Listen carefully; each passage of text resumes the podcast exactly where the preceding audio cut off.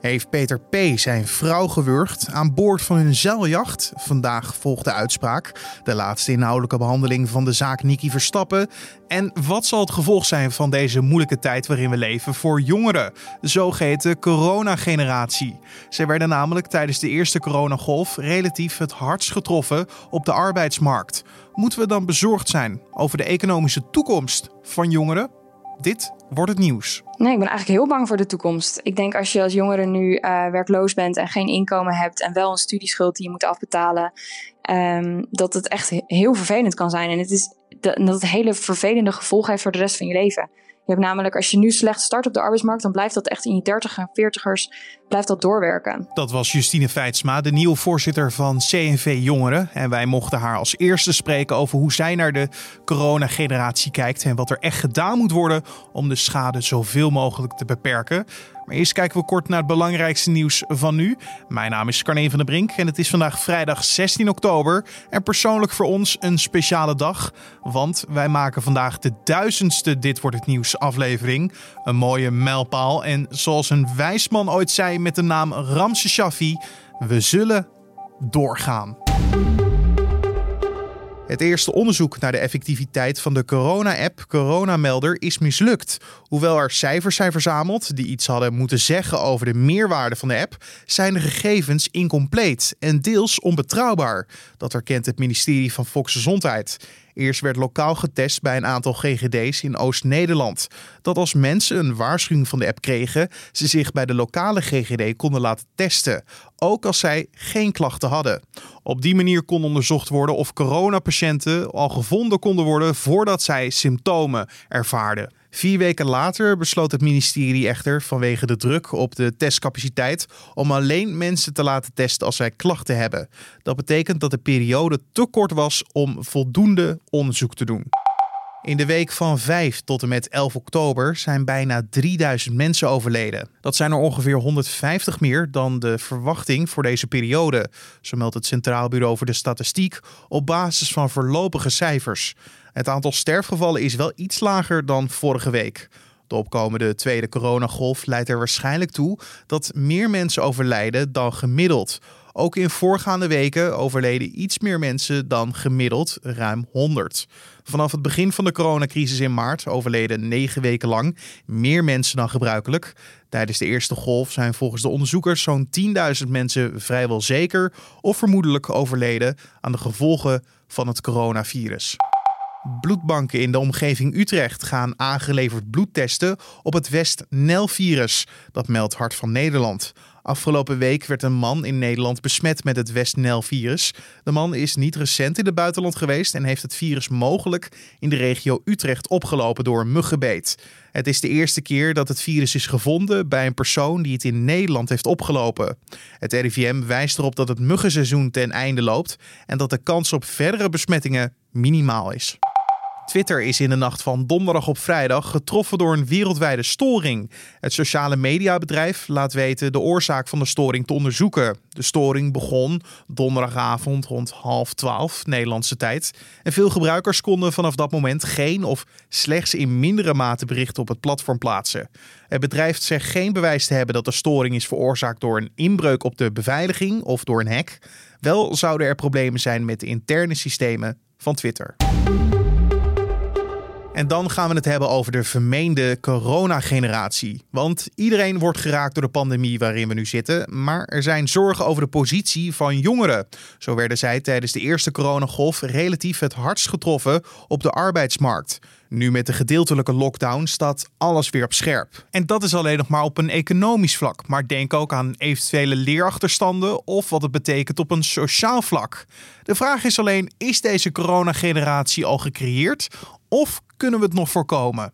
Ik vroeg aan de nieuwe voorzitter van CNV Jongeren, Justine Feitsma, of zij al vindt dat er sprake is van deze nieuwe generatie en zijn bijkomstige problemen? Ja, ik denk eigenlijk, uh, ik, ja, je hoopt het nog eigenlijk niet te zeggen, maar ik denk dat er al wel heel veel achterstand bij jongeren is opgelopen door de maatregelen van het afgelopen jaar. Je ziet het gewoon in de diploma's, het online onderwijs en de enorm oplopende jeugdwerkeloosheid. En ja, dat heeft natuurlijk hoe dan ook langere gevolgen dan, uh, dan alleen nu.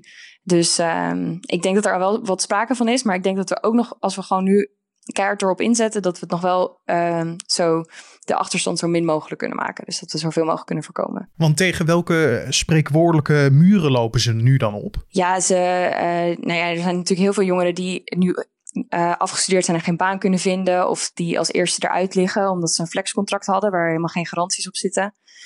Mensen met studievertraging omdat ze geen stages kunnen lopen. Die dus langer ook weer doorlenen.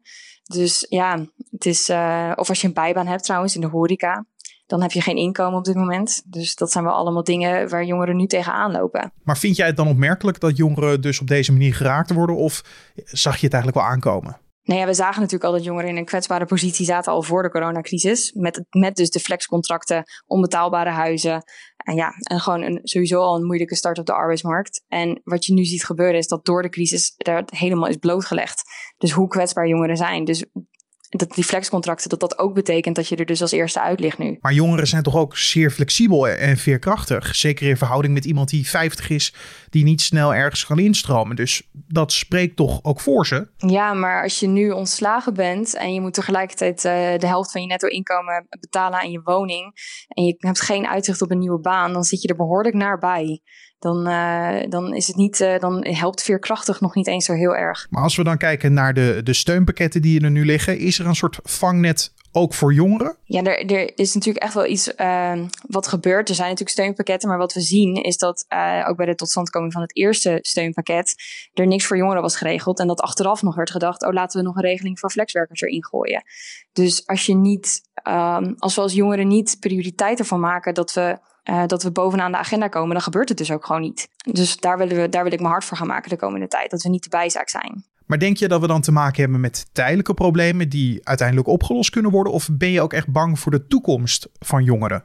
Nee, ik ben eigenlijk heel bang voor de toekomst. Ik denk als je als jongere nu uh, werkloos bent en geen inkomen hebt en wel een studieschuld die je moet afbetalen, um, dat het echt heel vervelend kan zijn. En het is dat het hele vervelende gevolg heeft voor de rest van je leven. Je hebt namelijk, als je nu slecht start op de arbeidsmarkt, dan blijft dat echt in je 30 en 40ers blijft dat doorwerken. Dus dat, um, en daar hou je eeuwig last van. Als je met een laag startsalaris begint, dan heb je de rest van je leven, blijf je er achteraan, achter de feiten aanlopen daarin. Ja, en dat kan je nooit inhalen, bedoel je? Nee, dat is heel moeilijk in te halen. Dus vandaar dat het ook zo super belangrijk is dat nu al jongeren prioriteit krijgen bij de maatregelen voor het nieuwe economische herstelpakket. Maar zie jij dat dan al gebeuren of zou er nog een uh, tandje bij kunnen? Ik denk dat er zeker nog wel een tandje bij kan. En dat is ook een van de redenen dat we het vanuit Steen voor Jongeren nu echt consequent willen gaan aankaarten. Dus dat er niet alleen maar gevraagd wordt, praat maar mee. Maar dat, we ook echt, dat er ook echt wat gedaan wordt voor jongeren in, in die herstelpakketten. En dat we niet, uh, nou, dat we niet zoals de eerste keer dat het achteraf uh, nog eventjes jongeren was. Ja, en het is natuurlijk een enorm contrast. Want voor corona was uh, de jeugdwerkloosheid op het laatste punt sinds 45 jaar. Zijn het dan echt nu nieuwe problemen of speelde dit eigenlijk altijd al? Het zijn natuurlijk problemen die op de achtergrond speelden, want anders dan vang je de klap niet zo hard. En je ziet de kwetsbare positie van jongeren. Kijk, we hadden wel een baan, maar we hadden dus flexcontracten.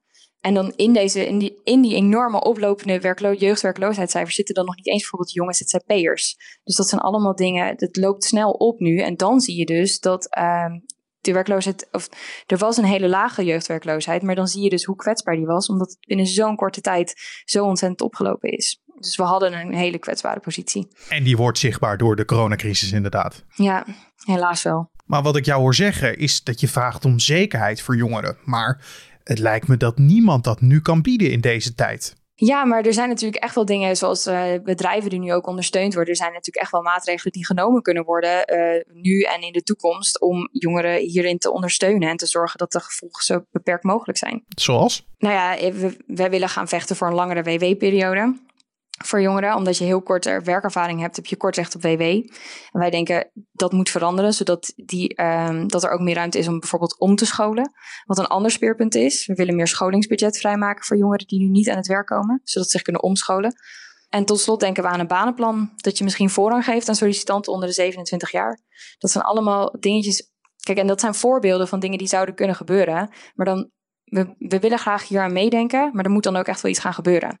En de overheid is natuurlijk degene die uh, als aan, aan, zet is hierin en die hier wat in moet gaan doen. Ja, want de regering heeft meermaals jongeren al opgeroepen om mee te denken over de huidige problemen. Er zijn ook uh, brainstorm sessies geweest tussen de partijen. Maar wordt er ook daadwerkelijk geluisterd? Hebben jullie dat idee? Ik denk dat het heel fijn is dat we aan tafel mogen zitten bij uh, Rutte, dat, we, dat coalitie I wordt uitgenodigd, maar dat het ook uh, uh, doorvertaald moet worden naar concreet beleid. En dat is iets waar ik wel echt op blijf, ga blijven hameren. Ja, en wat coalitie I is en, en waar het voor staat, dat moet je denk ik even schetsen voor de luisteraar die uh, daar niet van op de hoogte is. Ja, Coalitie I is een uh, jongeren samenwerksverband dat ook op initiatief van CNV Jongeren en uh, van politieke partijen en jongerenorganisaties uh, die issues van jongeren op de politieke agenda gaat zetten. Om samen sterk te staan hierin. Ja, er wordt dus veel gepraat en veel geluisterd, maar concrete plannen die er gemaakt worden, dat is iets anders, hè? Ja, nou ja, uh, er zijn natuurlijk. We, we, staan ergens, we staan op de agenda en we maken onszelf uh, gehoord. Dus ik denk dat dat hele goede eerste stappen zijn. Maar omdat het zo dringend is nu uh, in deze crisis, is natuurlijk de, ja, is het, is het aan de overheid, want die heeft de macht om, om hierop te gaan inzetten. En dan moeten ze niet alleen luisteren, maar ook echt gaan doen. Ja, want luisteren is natuurlijk één ding en er iets mee doen, dat is het tweede. En is er dan een soort frustratie bij jullie dat er nog niks op papier staat? Ik denk dat, uh, ja, als je ziet wat bijvoorbeeld de lange aanloop is, vaak bij jongere issues zoals minimumjeugdloon en uh, al dat soort dingen, dat, uh, dat het vaak al lang duurt. En we willen, ja, we hebben geen tijd om, om het lang te laten duren dit keer. Dus het moet gewoon nu. Maar die plannen die jij schetst, hè, denk je dat het wel haalbaar is voor de ondernemer, uh, zijn perspectief. Uh, we leven in een bizarre tijd. Iedereen maakt zich zorgen om zijn of haar werk of zijn of haar onderneming. En dan veranderingen doorvoeren, dat lijkt me heel lastig. Ja, dat is ook waar. En het is, uh, iedereen heeft een eigen perspectief op de situatie. En, maar ja, ik ben er om, om naar de jongeren te kijken. En ik denk dat dat is de toekomst van je samenleving, de toekomst van je arbeidsmarkt. En als je zorgt dat die nu al een slechte start hebben, je kan beter voorkomen dat zij een slechte start hebben voordat ze de arbeidsmarkt opgaan of aan het begin. Dus het is zeker, je moet altijd een balans maken en evenwichtige beslissingen. Maar het is zeker iets om bovenaan te hebben, wat mij betreft. Anders is de schade langer. Want wordt het dan nu ook lastiger voor jongeren die al uit een gezin komen? Dat uh, al de touwtjes aan elkaar te knopen is en het uh, voor de coronacrisis al moeilijk had. Ja, moet je je voorstellen inderdaad. Dat je dus in een enorme kleine kamer zit, een studentenkamer in quarantaine met nog tien andere huisgenoten. En dat je studieschuld oploopt, je studievertraging oploopt. En uh, je bijbaan is weggevallen in de horeca. Ja, dan heb, je niet, uh, dan heb je het niet heel prettig. Inderdaad, vooral als mensen niet bij kunnen springen zoals je ouders. Er zijn genoeg ideeën, dat hoorde ik al. En er wordt ook geluisterd uh, op zekere hoogte. Maar wat kan jij dan voor ze betekenen? Want ik denk toch dat een uh, gemiddeld jong persoon vakbonden als uh, vrij stoffig zou omschrijven. Ja, dat is zeker. Ja, het beeld van de vakbond is inderdaad wel stoffig. Ik ben het daar natuurlijk niet mee eens. Maar uh, ik denk dat waar ik me hard voor ga maken de komende tijd is laten zien dat de vakbond, vooral CNV Jongeren, ook echt daadwerkelijk verschil kan maken voor jongeren. En dat als je je verenigt, dat je samen een vuist kan maken en samen sterk kan staan. En ook samen kan opkomen uh, voor je generatie. En dat dat dan ook dat hopen we dus dat dat dan daadwerkelijk effect gaat hebben natuurlijk door die acties vanuit de overheid. Dat kan je natuurlijk niet alleen, daar heb jij de jongeren zelf ook voor nodig. Denk je dat de bereidheid er is om ja, dit probleem eh, met z'n allen te tackelen voor de toekomst? Ik denk dat jongeren, naar aanleiding van nou ja, de hele situatie die we in dit gesprek geschetst hebben, wel doorhebben dat zij uh, um, een kwetsbare positie hebben. Um, en dat er zeker iets moet gaan veranderen in de toekomst. Het liefst nu meteen. Maar ook voor de toekomst. Dat ze een betere positie moeten gaan hebben. Dat ze zeker kunnen zijn van bepaalde uh, garanties en contracten. En uh, er niet weer bij de volgende crisis als eerste uit liggen. Maar dan de andere generaties, de jongeren van toen. Denk jij dat ze ook eh, bereid zijn om uh, dit probleem aan te willen pakken en dus het bredere plaatje uh, gaan zien voor de toekomst? Ik hoop het wel, want wij zijn allemaal hun kinderen of hun kleinkinderen. Dus ik hoop dat ze daar ook het beste mee voor hebben. En, en ik, ja, ik ga ervan uit dat bedrijven ook de meerwaarde zien om jongeren aan het werk te houden en plezierig aan het werk te hebben. Dat was Justine Feitsma, de nieuwe voorzitter van CNV Jongeren. En dan kijken we naar de verdere nieuwsagenda voor vandaag. Het Openbaar Ministerie heeft voor de rechtbank acht jaar cel geëist tegen de 65-jarige Peter P. Die ervan wordt verdacht dat hij in september 2015 zijn 54-jarige vrouw om het leven heeft gebracht. P. zou de vrouw hebben gewurgd aan boord van hun zeiljacht, waar het paar op dat moment al enkele jaren mee op wereldreis was. De rechtbank doet vandaag uitspraak in deze zaak. En vandaag is de laatste inhoudelijke behandeling van de zaak Nicky Verstappen. Verdachte Jos B. krijgt hierbij het laatste woord. Het Openbaar Ministerie eiste een week geleden 15 jaar en TBS met dwangverpleging voor het seksueel misbruiken en doden van de 11-jarige jongen in 1998.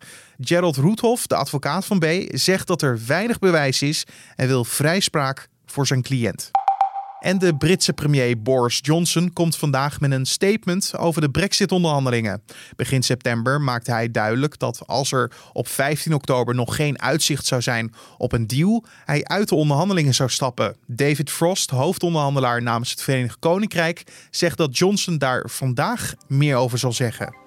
En dan het weer. Ik heb mijn sjaal eigenlijk alweer uit de kast gepakt. En ben ook zeer benieuwd of ik hem de rest van de dag nog nodig heb. Alfred Snoek van Weerplaza vertelt ons wat we van vandaag kunnen verwachten. We hebben een behoorlijk frisse nacht achter de rug. De temperatuur is in het binnenland op sommige plaatsen gedaald tot in de buurt van het vriespunt. Op plekken waar de bewolking hardnekkiger was, was het overigens minder koud. En vanmorgen loopt de temperatuur geleidelijk aan op, maar veel warmer dan een graad of 12 wordt het vanmiddag niet. Ook dan zien we van tijd tot tijd flink wat wolkenvelden overtrekken, afgewisseld met wat momenten waarop de zon eventjes mooi tevoorschijn komt. Het blijft overal droog vandaag en de noordoostenwind waait zwak tot matig. Vanmiddag is dat veelal windkracht 2 tot 3. Dankjewel Alfred Snoek van Weerplaza. En om af te sluiten nog even dit. Creatief ondernemen of kleurt dit restaurant buiten de lijntjes? De veiligheidsregio Rotterdam-Rijnmond gaat namelijk onderzoeken of het legaal is dat een Rotterdams restaurant gasten ontvangt door hen zich in te laten schrijven bij een hotel dat zich boven het restaurant bevindt. Sinds woensdag 10 uur zijn alle horeca gesloten, maar mogen hotels nog wel gasten ontvangen en bedienen. Het AD schrijft dat dit sterrenrestaurant in Rotterdam op deze manier nog open is en mensen ontvangt. De restauranteigenaar zegt tegen de krant dat hij niet iets doet wat niet mag, omdat hotelgasten gewoon van een restaurant gebruik mogen maken dat een entree via de lobby heeft. In het restaurant zijn maximaal 30 personen toegestaan, wordt er anderhalf meter afstand gehouden en wordt na 8 uur geen alcohol geschonken. Dus de vraag is: is dit een maas in de wet of mag het gewoon niet? En dan zitten we alweer in de slotminuut van deze podcast. Natuurlijk zijn we later weer terug met de Week van Nu podcast. Onze weekafsluiter en openbare redactievergadering. Die kan je in dezelfde feed als deze beluisteren. En je kan ons nog heel blij maken door een feedbackmailtje te sturen naar podcast.nu.nl met erin een vraag of uh, suggesties of eh, feedback van wat wij eh, beter of anders zou kunnen doen. Laat het vooral weten via podcast.nu.nl. Dat is ons mailadres. podcast.nu.nl. En je kan nog een recensie achterlaten bij Apple Podcast. Mijn naam is Carne van der Brink. Voor nu wens ik je een hele mooie dag, alvast een heel fijn weekend. En graag tot de volgende.